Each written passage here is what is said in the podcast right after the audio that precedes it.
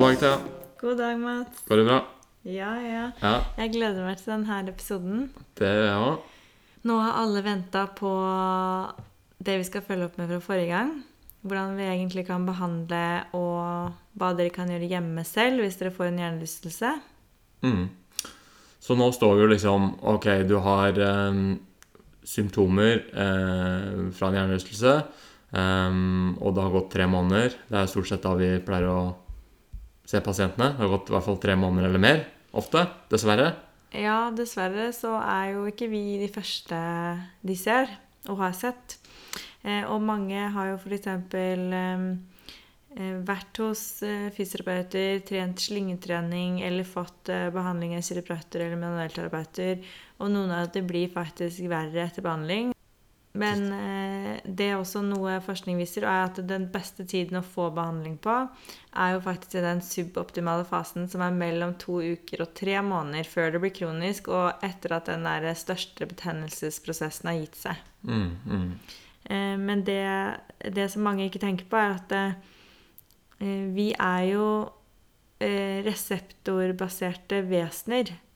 Det betyr at eh, vi bruker sansene våre gjennom synet, gjennom hørsel, gjennom smak, eh, gjennom eh, lukt og gjennom muskel og skjelett og balanseorganet vårt til å orientere oss.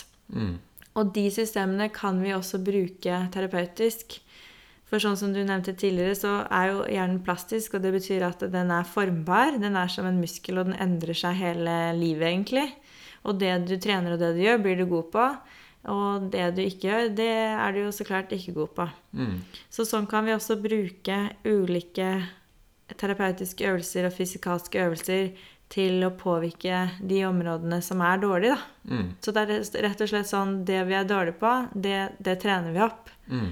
Men hvor, hvor fort og hvor spesifikt kan vi få det? Det er jo det som er gøy. Ja, ja, ja. Og det er jo noen ganger at man tenker at herregud, denne her terapeuten må jo ha virkelig mista, mista det helt. Fordi eh, du kanskje eh, har begynt å gjøre eh, Du mener at du skal gjøre øyeøvelser når du har vondt i nakken. Eh, men det er ofte Det er ofte det du trenger, da. Eh, Ja, Så- det høres litt rart ut, men dere kan jo prøve der hjemme å legge håndflaten veldig, veldig løst utapå på bakhodet ditt. Så kan du legge fingrene helt løst. Og så kan du bare, uten å eh, vri på nakken, så snur du på øynene helt til høyre, helt til venstre, helt til høyre, helt til venstre. Og så skal du kjenne at faktisk nakkemusklene øverst der beveger på seg. Så sånn er det at nakken ser, eller nakken samarbeider sammen med øynene om å bevege hodet og øynene i sånne synkroniserte bevegelser, eller at vi klarer f.eks. å holde øynene stille mens vi beveger hodet. Mm. Og det her er sånne eh, Det her er veldig viktige øvelser, viktige tester, som Ja. vi må ha på plass. Som er veldig sånn primitive. Så mange, alle dyr skal kunne det her. Og hvis ikke de systemene er på plass, eh, hvis nakken gjør noe, eller øynene gjør noe, eller balanseorganet tolker noe feil, da, gjør, da, da blir det jo egentlig veldig redusert i hverdagen. Ja. Og det er mange, mange som ikke vet at dette henger sammen. Eh, men sånn er det. Du kan Det tør jeg på- påstå på denne podkasten her. At du kan ikke ha et problem med øynene dine uten å få en påvirkning av nakkemuskulatur eller balanse. Du kan ikke ha et nakkeproblem eh, som ikke vil påvirke øynene dine og, og, og balansen. Så det, det, dette er fordi det kommer fra akkurat det samme systemet.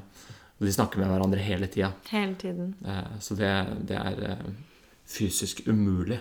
Mange, men mange ganger så kan man jo dra til en fysioterapeut eller en kiropraktor, og så får man eh, en justering, eller man får slyngebehandling, eller, eller man får en annen nakketrening, og så blir man bedre. Eh, men så kommer det ofte tilbake. Eller jeg har kollegaer som de ikke har fått bra, da, og det er jo bare en liten gruppe. De fleste blir jo bra Mm. behandling, men Ja. så er det de, de der vanskelige som eh, man ikke får helt tak i. Og da er det ofte at eh, problemet ligger litt høyere. Mm. Det, er, det er hjernen som styrer musklene til å trekke seg sammen igjen. Den føler seg utrygg. Og da hjelper det ikke å gå inn i det systemet og, så og fikse perifert, eller fikse Mm. eh, nakken, når det Ja. egentlig programmet ligger i Når nakken er et symptom, rett og slett. Ja. Det er ikke problemet. Nakkestivheten eller nakkesmertene blir et symptom Mm. På at det er dårlige øye-nakkereflekser f.eks., eller vestibulærreflekser ned i nakken. Nå snakker vi ganske vanskelig, men eh, balanseorganet vårt sammen med øynene og sammen med nakken, de jobber veldig tett på å hele tiden orientere seg om hvor du er og beveger deg. Mm. Og spesielt også med hjernerystelser så eh, har du fått en smell i hodet. Eh, og det i hvert fall jeg ser mye av i, i praksis, er at eh, eh, siden balanseorganet også sitter i hodet vårt, det sitter inni skallen, eh, så når det får seg en smell, så sliter hjernen med å tolke hvor hodet befinner seg egentlig, da. Mm. og da får du ofte nakkestivhet som en konsekvens av det. Ja. Og akkurat nå så er det jo ikke dessverre noen eh, gode diagnostiske tester som kan påvise hvilken skade som har skjedd etter en hjernerystelse. Um, det venter vi på, egentlig. Men inntil videre så er det da eh, rehabilitering av eh, nakke, øye, eh, balansefunksjon. Um, trinnvis program som er eh, anbefalt ja. behandling for det. Og det er ingen standardisert eller sånn gullprotokoll.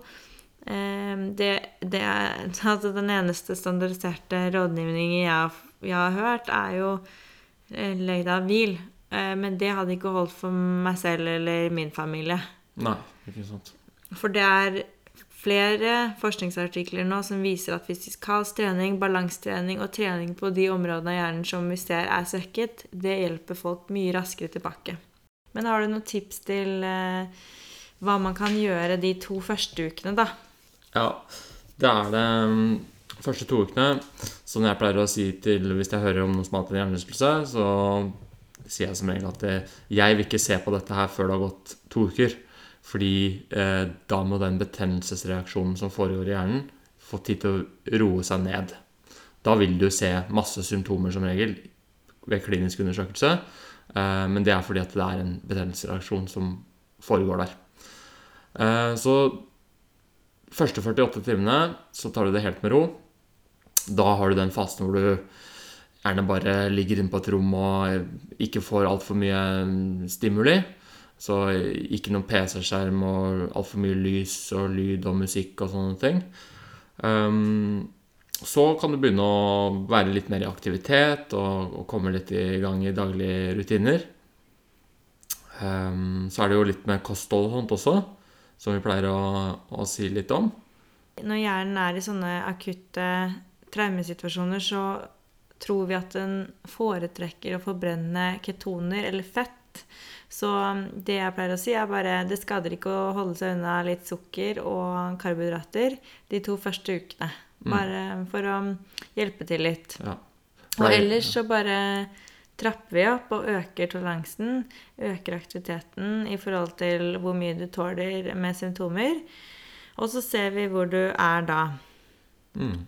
Men eh, det er jo veldig få protokoller på der enda. Fordi det er mye ny forskning, og det tar ganske mange år før forskning kommer inn i klinisk praksis. Men det har blitt gjort noen eh, protokoller på folk i idrett. Og det kan vi jo si litt om. For det kan man jo dra litt over til Ola Nordmann òg. Hvordan man skal tenke, da. Eh, så da begynner vi med å trappe opp bare sånn med aerobic-trening. At man går, og at man kanskje sykler litt på ergometersykkel, og at man tåler det fint. Før man begynner med noe styrketrening eller øker intensiteten. Ja. Og når man eh, klarer det fint og har gjort litt styrketrening, da kan man også begynne med litt sånn idrettsspesifikk aktivitet.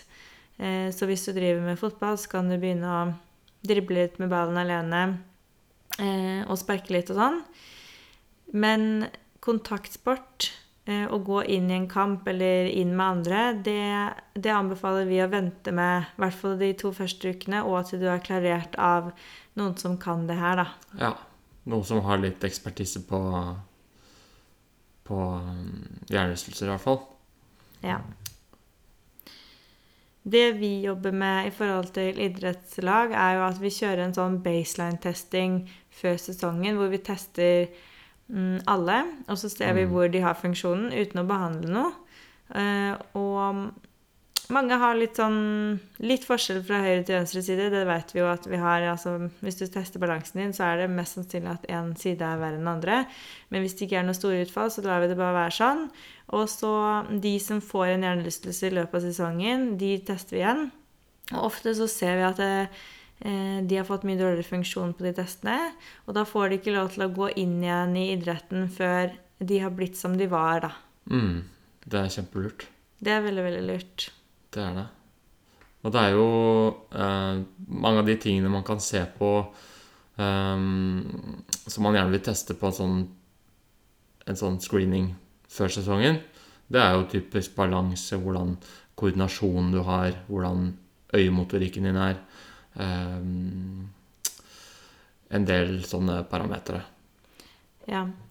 Og Det- de kjører også sånn impact-test, som er mer sånn kognitiv test. I USA, f.eks. i hockeymiljøet, så kjører de en sånn test eh, før sesongen ofte. Og da har jeg hørt noe rykte at mange faktisk jukser seg litt dårligere på den prøven. Eh, fordi, de, fordi de vet og de antar at de kommer til å score dårligere gjennom sesongen på slutten av sesongen, og de er redd for å bli tatt ut av spill. Eh, og det er jo en kjempedårlig trend som vi, vi ser i idretten, men som ikke er så gjennomsyrende i norsk idrett enda, fordi her er ikke folk avhengig av scholarship og Ja. andre prestasjoner, da. Ja. På samme måte, det er ikke like stort press. Ja, ja, ja. Nei, det mm, skal man være litt obs på, da. At eh, hvis det er noen som prøver å jukse på de testene. ja. Men, Men det, det plukker, er- plukker du som regel opp. ja, og det som er litt eh, bra med de her eh, testene som vi gjør, da, er at eh, mange av de er De går ikke an å fake.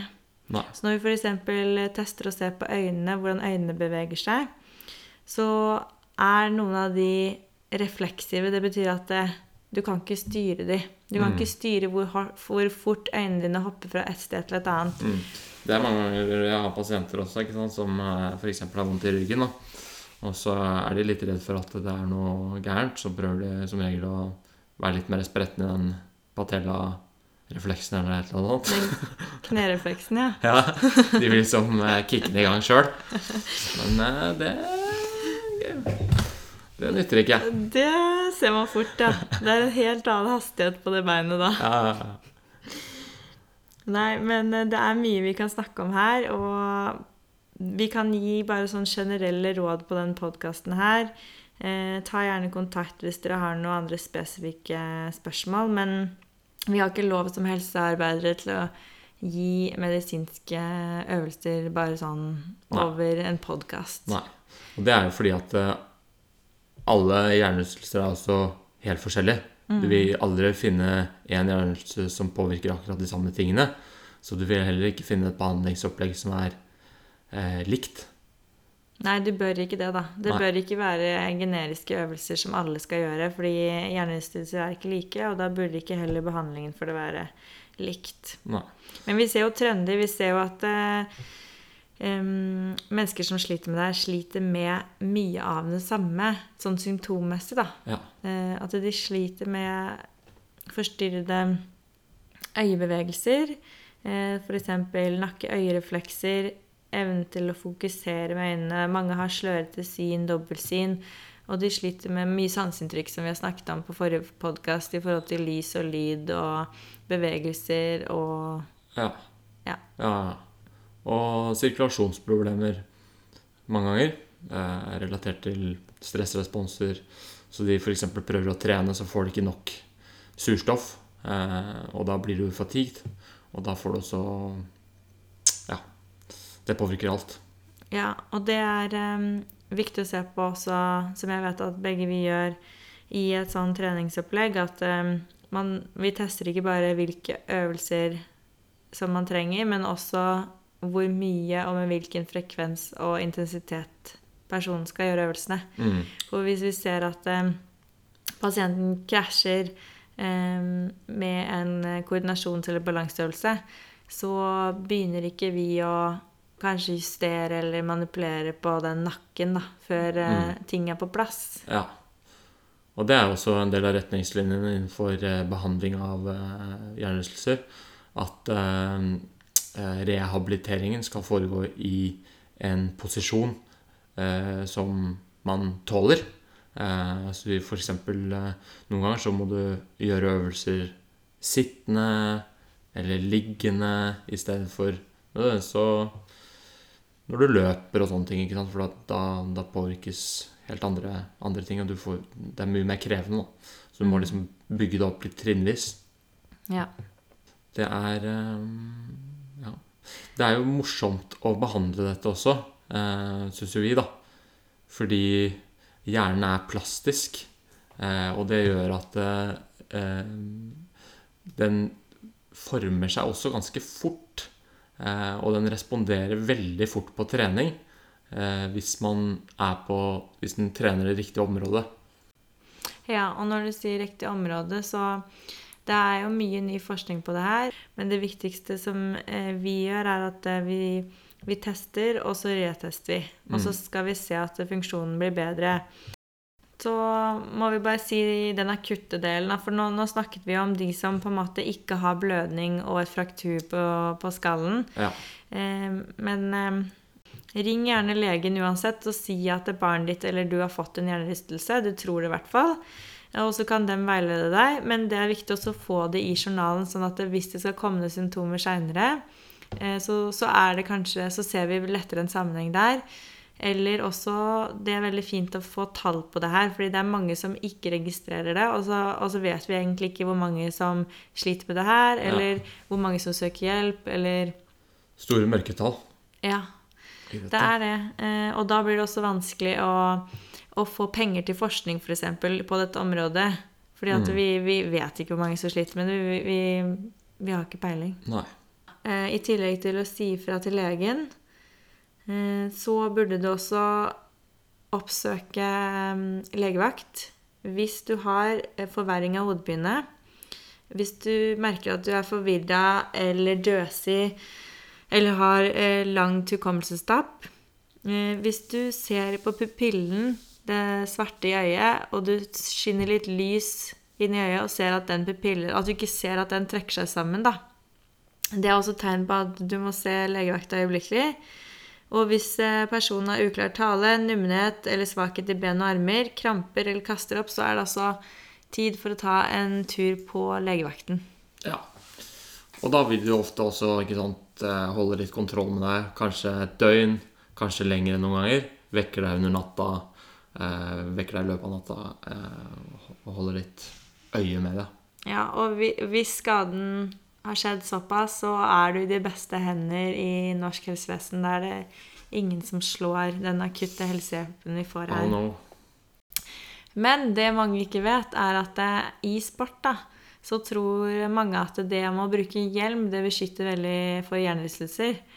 Og det er dessverre dårlige nyheter der. Det beskytter jo mot de ytre skadene og blødning, men ikke mot hjernerystelser. Ah.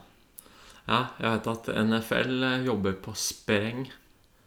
Eh, National Football League i statene. Amerikansk fotball. Ja, for å finne hjelmer som, eh, hvor de skal klare å unngå disse hjernerystelsene. Det tror jeg ikke de klarer, men eh, der Altså- er det mye penger inne i bildet. Ja, ja, og de hjelmene er jo helt syke. De, de er så svære. De Ja. går snart utafor skuldrene deres. Og de har støtdempere, og de har alt mulig. Men problemet ligger egentlig inni skallen, fordi vi har ikke noe beskyttelsesmekanismer mellom hjernevevet og skallebeinet.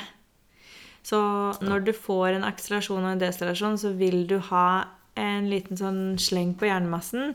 Og hjernen er like myk som gelatin, så du har ikke noe beskyttelse der, sånn som f.eks. hakkespetter, som har tunga si faktisk eh, snurra rundt hjernemassen, sånn at den støter inn i noe mykt, da. Mm. Det er samme med altså, krigsveteraner og sånne ting som har vært rundt eksplosjoner. Og de kan jo få hjernerystelser av det. Selv om de ikke har dette har slått seg, eller noe sånt. Det har bare vært et stort trykk utenfor. Eh, så må den sjokkbølgen gjør at eh, hjernen beveger seg. Ja. Eh, Ja, det er kjempefascinerende. Og det, det her kommer vi nok til å oppdatere, fordi her kommer pumpes det ut forskning hver dag. Så følg gjerne med. Om noen uker så følger vi opp tråden. Og um, har dere noen spørsmål, så kontakt oss på Facebook-siden eller eh, på Instagram-siden. ja. Eller på gmail eh, hjernejervene at gmail.no. Yes. Så håper jeg at eh, dere rater oss i iTunes og deler linken med venner og familie som dere vet om har fått en hjernerystelse. Så skal vi få opp eh, engasjementet rundt det her. Mm. Takk for at dere lytta. Takk for oss.